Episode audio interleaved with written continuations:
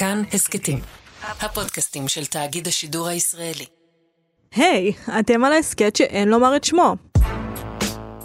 אני שיר ראובן. ואני דור סהרמן. ואנחנו קוראים את כל ספרי הארי פוטר מההתחלה ועד שהתאגיד יפסיקו אותנו. והיום פרקים 10, 11 ו-12, לונה לאבגוד, השיר החדש של מצנפת המיון, והפרופסור אמברידג'. ואנחנו נקרא קצת. בבקשה. מתוך הפרק הפרופסור אמברידג' בעמוד 254, אני לא יודעת למה אני מציינת את זה. הערות סימוכים. אבל שתדעו. כל עוד תשקיעו כראוי בלימוד התיאוריה, אין שום סיבה שלא תצליחו לבצע את הכשפים בתנאי מעבדה מבוקרים במסגרת המבחן, פתרה הפרופסור אמברידג' את דבריה. בלי שהתנסינו בהם, נדהמה פרווטי, את מנסה להגיד לי שהפעם הראשונה שבה ייתנו לנו לבצע את הכשפים תהיה במהלך המבחן? אני חוזרת. כל עוד תשקיעו כראוי בלימוד התיאוריה, ומה נעשה עם התיאוריה בעולם האמיתי? אמר הארי בקול רם, אגרופו שוב מורם באוויר. הפרופסור אמברידג' הרימה את מבטה. כאן בית הספר, מר פוטר, לא העולם האמיתי, היא אמרה בשקט. אז אנחנו לא צריכים להיות מוכנים לקראת מה שמחכה לנו בחוץ. שום דבר לא מחכה בחוץ, מר פוטר. אה, לא? אמר הארי, כעסו שכאילו ביעבע על אש קטנה כל היום מגיע כעת לנקודת רתיחה. מי לדעתך מעוניין לתקוף ילדים כמוכם? הקשתה הפרופסור אמברידג' בקול ממותק עד זוועה. ממ, בואי נחשוב באמת, אמר הארי כאילו מהורהר. אולי הלורד וולדמורט? רון נשנק. לבנדר בראון פלטה צווחה קטנה. נוויל החליק הצידה ונפל ממושבו. ואולם הפרופסור אמברידג' לא הנידה עפעף. היא רק הביטה בהארי ועל פניה הבעה של סיפוק קודר. עשר נקודות יורדות מגריפינדור, מר פוטר. הכיתה השתתקה וקפאה. כל המבטים נחו על אמברידג' או על הארי. הבה נבהיר פה כמה דברים. הפרופסור אמברידג' נעמדה ורחנה לעברם, פורסת השולחן את ידיה בעלות האצבעות השמנמנות והקצרות. מישהו סיפר לכם שקוסם אפל מסוים חזר מהמתים. הוא לא היה מת, אמר הארי בכעס, אבל כן, הוא חזר. מר פוטר, כבר קיזזת לבית שלך עשר נקודות, אל תחמיר את המצב, אמרה פרופסור אמברידג' בנשימה אחת בלי להסתכל עליו. כפי שהתחלתי להגיד, מישהו אמר לכם שקוסם אופל מסוים חזר לפעול בשטח. זה שקר. באמת, איזה אישה, כמו הודעה גרועה שקיבלת בוואטסאפ, האישה הזו. ככה אני יכול להגיד, זה כמו לקבל הודעה נוראית בוואטסאפ. תראה, קודם כל, אם אה, הארי פוטר אה, ומסדר עופר, אם כל סדרת הספרים הייתה, נקביל אותה לעונה של האח הגדול, אמברידג' היא דמות מצוינת בבית האח הגדול. חד משמעית. אני מאוד נהניתי לקרוא את הפרק הזה, אני נהניתי לשנוא אותה. כן. וגם כמבוגרת, ואנחנו נגיע לזה בפרק, אני הבנתי מה היא מייצגת. אז נגיע אליה כי יותר לקראת כן, סוף כן. הפרק הזה. אני רוצה אבל דווקא מתוך מה שהקראת להתייחס להתחלה של הפרקים האלה. קדימה. כי אמברידג' בקטע שאת הקראת אומרת, ש... אומרת לתלמידים כן אתם בבית הספר אתם לא בעולם שבחוץ. אבל הפרקים האלה דווקא מתחילים בסצנה שלכאורה שגרתית וחוזרת על עצמה אבל מקבלת פה הרבה מאוד משמעות וזה הפרידה בתחנת הרכבת ברציף. כי uh, מגיעים לשם uh, מולי ולופין ומודי וטונקס וסיריוס בתור uh, כלב, כן? חבורה די גדולה של מבוגרים, mm-hmm. וכולם נפרדים מהילדים. יש פה ממש העברת מקל. כלומר, עד עכשיו היינו ב, ב, ב... בואי נגיד בחלקים הראשונים של הספר, בערך ברבע הראשון של הספר, אז מבוגרים וילדים ביחד כן, מתנהלים ביחד, עושים דברים ביחד, רבים אחד עם השני, מסתדרים, והכל במפקדה או במשרד הקסמים וכולי. עכשיו יש פה את ה... זה ממש מרגיש כמו העברת מקל ברורה, כלומר, עכשיו אנחנו לא נפרדים מהמבוגרים, אנחנו לא יודעים מה הם הולכים לעשות, ומכאן ברור שדווקא העולם האמיתי, הדבר האמיתי הולך להתרחש לא במפקדה, אלא בהוגוורטס. והדבר שפתאום מדהים אותי פה, ושוב, זה כאילו מובן מאליו, אבל זה מוזר שהילדים עכשיו הולכים להגיע לבית ספר, שבו המנהל שלהם הוא ראש של מסדר סודי שחותר תחת הממשלה שלהם, וגם חלק מהמורים חברים במסדר הזה, mm-hmm. והם הולכים עכשיו כאילו להיות תלמידים כאילו ברגיל. וכאילו הסצנה הזו היא לכאורה הסצנה השגרתית שחוזרת על עצמה כל ספר, נכון שנפרדים המבוגרים מהילדים, אבל פתאום זה נטען בהרבה מאוד משמעות, וזה הכל חוץ מנורמלי. זה משוגע לחלוטין הדבר הזה. Uh, בסצנה הזאת אני שמתי לב למשהו אחר. שמתי לב שעוד צד של סיריוס מתגלה. uh, כולם אומרים לו שאסור לו לצאת החוצה, גם לא בצורת כלב. עכשיו, כנערה אני זוכרת שחיבבתי את סיריוס, ואני בוודאי לא חושבת שהבנתי מה המשקל של הדברים שנאמרים פה, uh, שאסור לו לצאת גם לא ככלב. היה לי ברור שהוא סבבה. עכשיו, כמבוגרת, אני מבינה למה מולי משתגעת ממנו, וזה מתח שנמצא כאן לאורך כל הזמן שהם בבית. היא פשוט, אין לה אנרגיה אליו, אין לה כוח אליו. כי סיריוס הוא מסוג האנשים שבאמת יכולים להוציא אותך מדעתך, וזה מבוגרים שלא התבגרו, ילדים מגודלים. ואתה הבחנת את זה יפה לפני שני פרקים, כי סיריוס לא חווה ילדות, הילדות שלו נקטעה. קודם כל על ידי התמודדות עם, אתה יודע, אפילו לפני וולדמורט.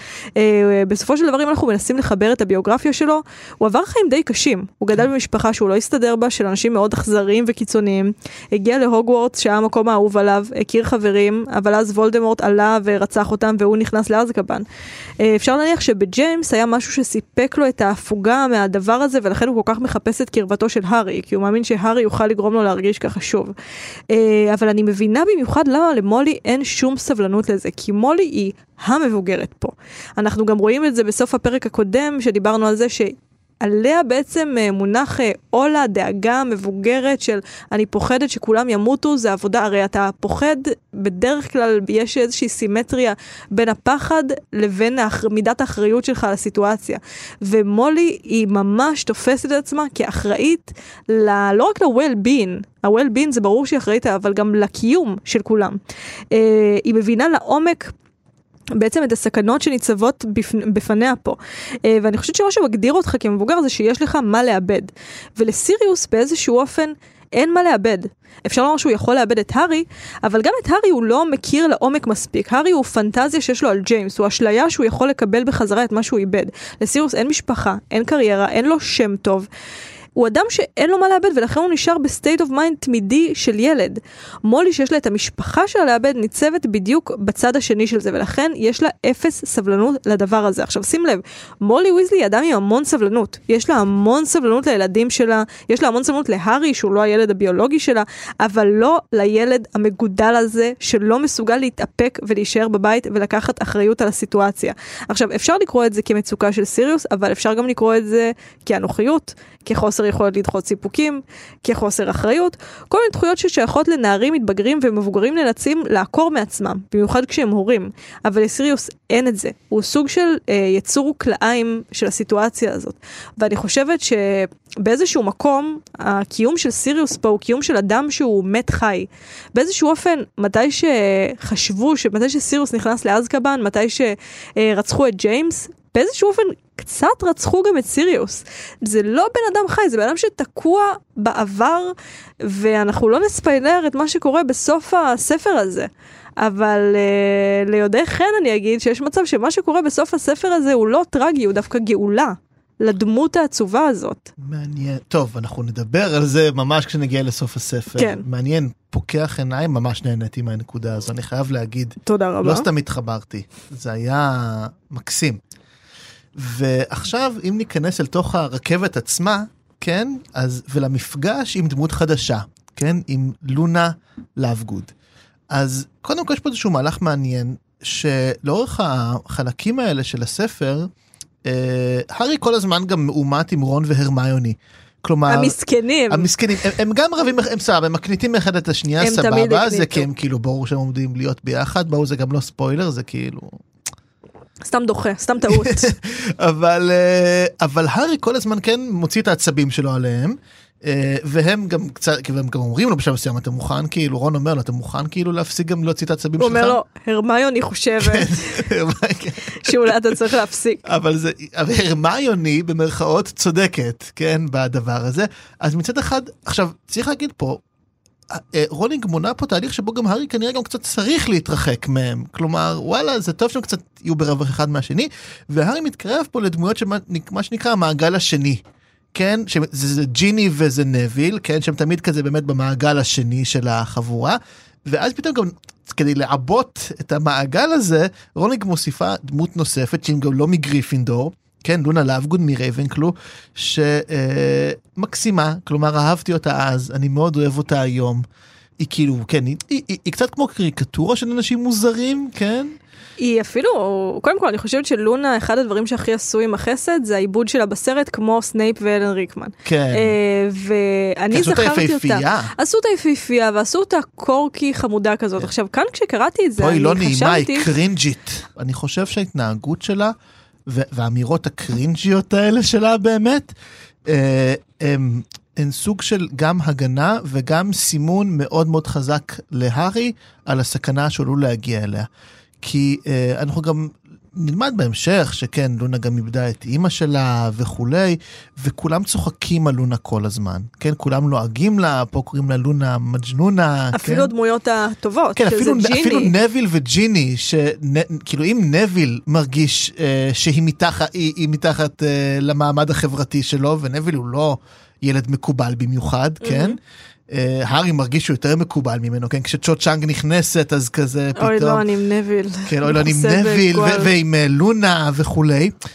אבל לונה היא אפילו עוד מתחת לנביל במעמד החברתי, וכולם צוחקים עליה כל הזמן. עכשיו, יכול להיות שמלכתחילה היא קצת, אני לא יודע אם היא על הספקטרום, או אם היא מוזרה קצת, אוקיי? היא לא כמו, היא לא דין תומאס, סבבה? היא לא לבנדר בראון, היא לא בן אדם אה, סאחי מעצבן חסר אופי, אוקיי? יש לה אופי. ויש נניח שצחקו עליה על זה מהיום שהיא נכנסה להוגוורטס. והפתרון, הרבה פעמים לאנשים עם במרכאות אופי, שהוא קצת שונה, אה, זה דווקא להקצין את זה.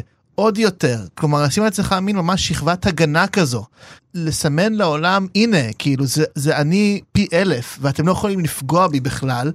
אתם חושבים שאתם מנסים לפגוע בי, אתם חושבים שהמילים האלה אה, פוגעות בי, אבל אני ממילא מודעת להכל, ואני גם מקצין את זה פי אלף כדי שאתם, למרוח את זה בפנים שלכם.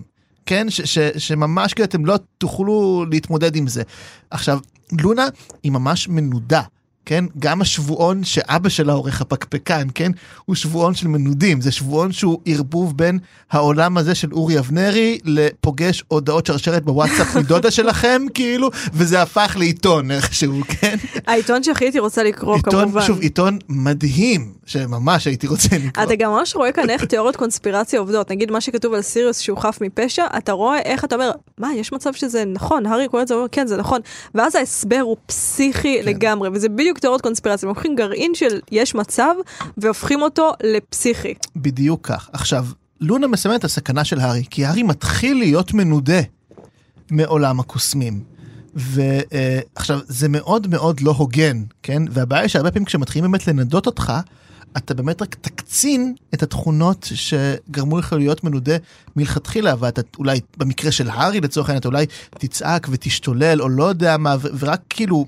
תהיה עוד יותר כמו אה, גולם בתו, שבונה לעצמו פקעת כדי להגן על עצמו מהסכנות של העולם שבחוץ, אוקיי? ובמובן הזה, זה שהארי מתחיל יותר ויותר להתחבר עם לונה, זה גם סמל לזה שאגב הוא יותר מנודה חברתית בשנה הזו בהוגוורטס.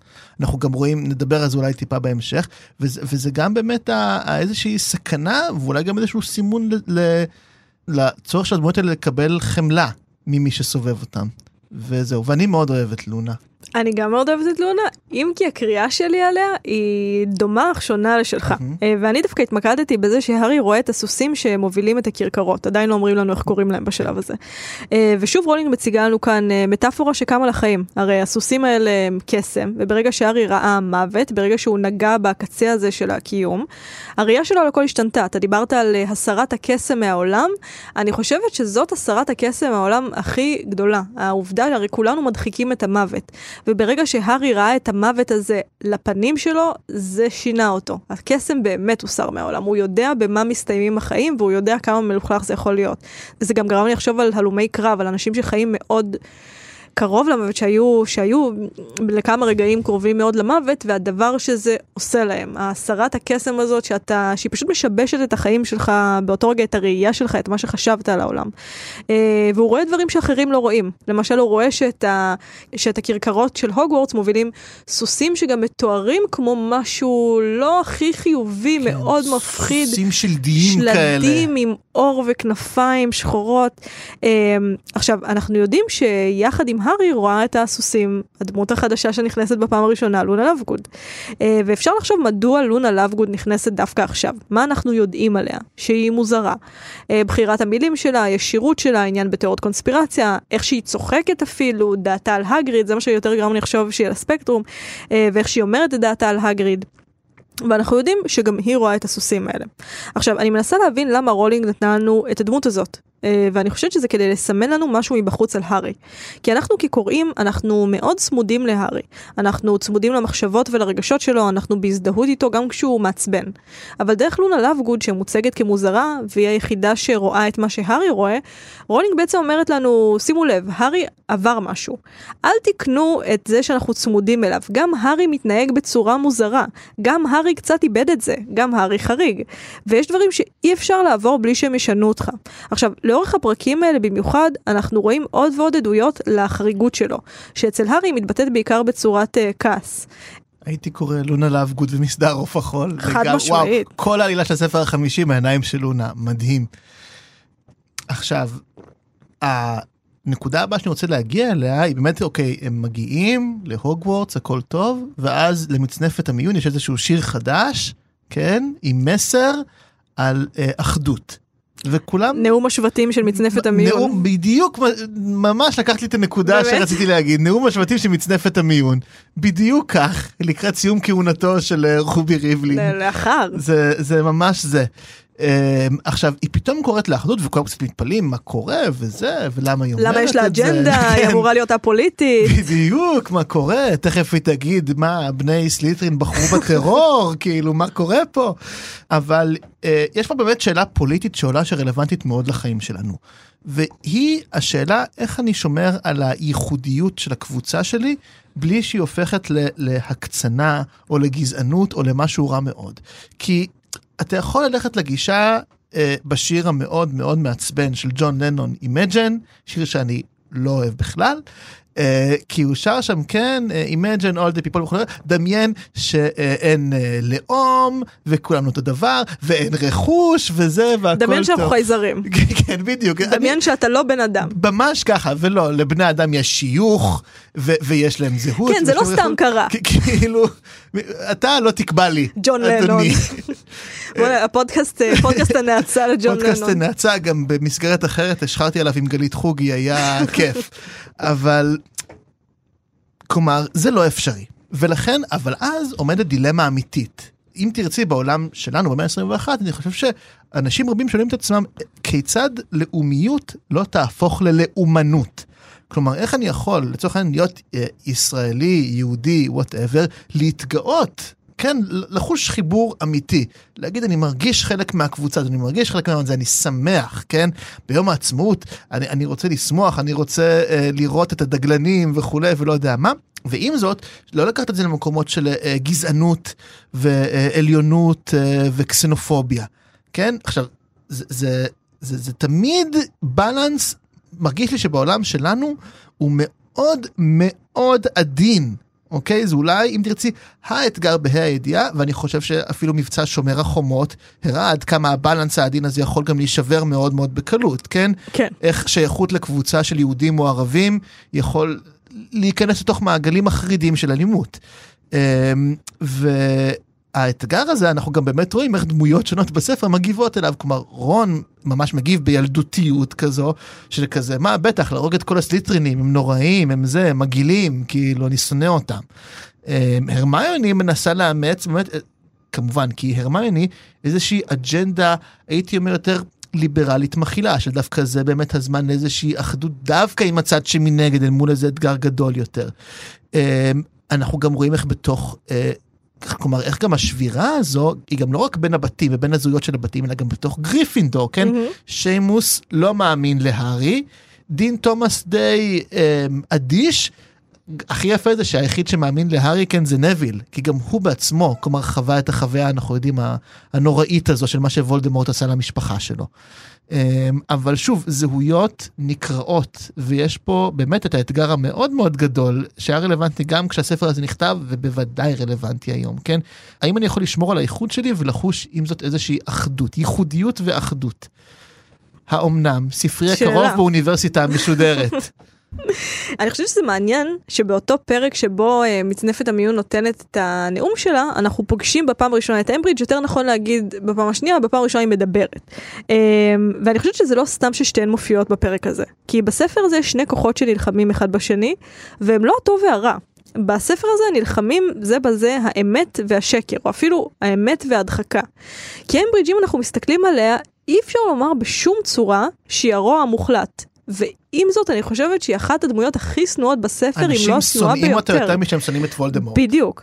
אה, והיא הרי לא אוכלת מוות, היא לא גזענית, היא לא פתחה את חדר הסודות. היא כן גזענית. היא כן גזענית? היא, היא, היא, היא מכניסה הערות גזעניות על לופין. היא גזענית. נכון, נכון, היא לא היא גזענית גזענ- ל... היא לא בעד להרוג אותם, אבל היא... היא לא גזענית גם בתוך, אה, כאילו, היא לא אומרת שום דבר על תלמידים שאינם טהורי דם. אה, נכון. זו הגזענות שחשבתי עליה. אה, אבל אימברידג' היא בעצם, הסיבה ששונאים אותה זה כי היא שומרת סף שנכשלה. אפרופו דיברנו על זה שכועסים יותר על החובש שלא בא להציל מאשר על אביתקון כשפגע בך. אני לא יודעת למה אני חייל במלחמת וייטנאם בלב שלי. אימברידג' בעצם מאפשרת לרע להיכנס לעולם כי היא טוענת שאין רע. ואם אין רע, אז אין במה להילחם. וככה אנחנו שוב מגלים שהרע חודר לעולם דרך הרע במיעוטו, ואיימברידג' היא הרע במיעוטו. הארי רב עם שיימוס כי אמא שלו מאמינה לנביא היומי. אה, עכשיו, קודם כל צריך להגיד, מה שהארי חווה כאן זה נורא.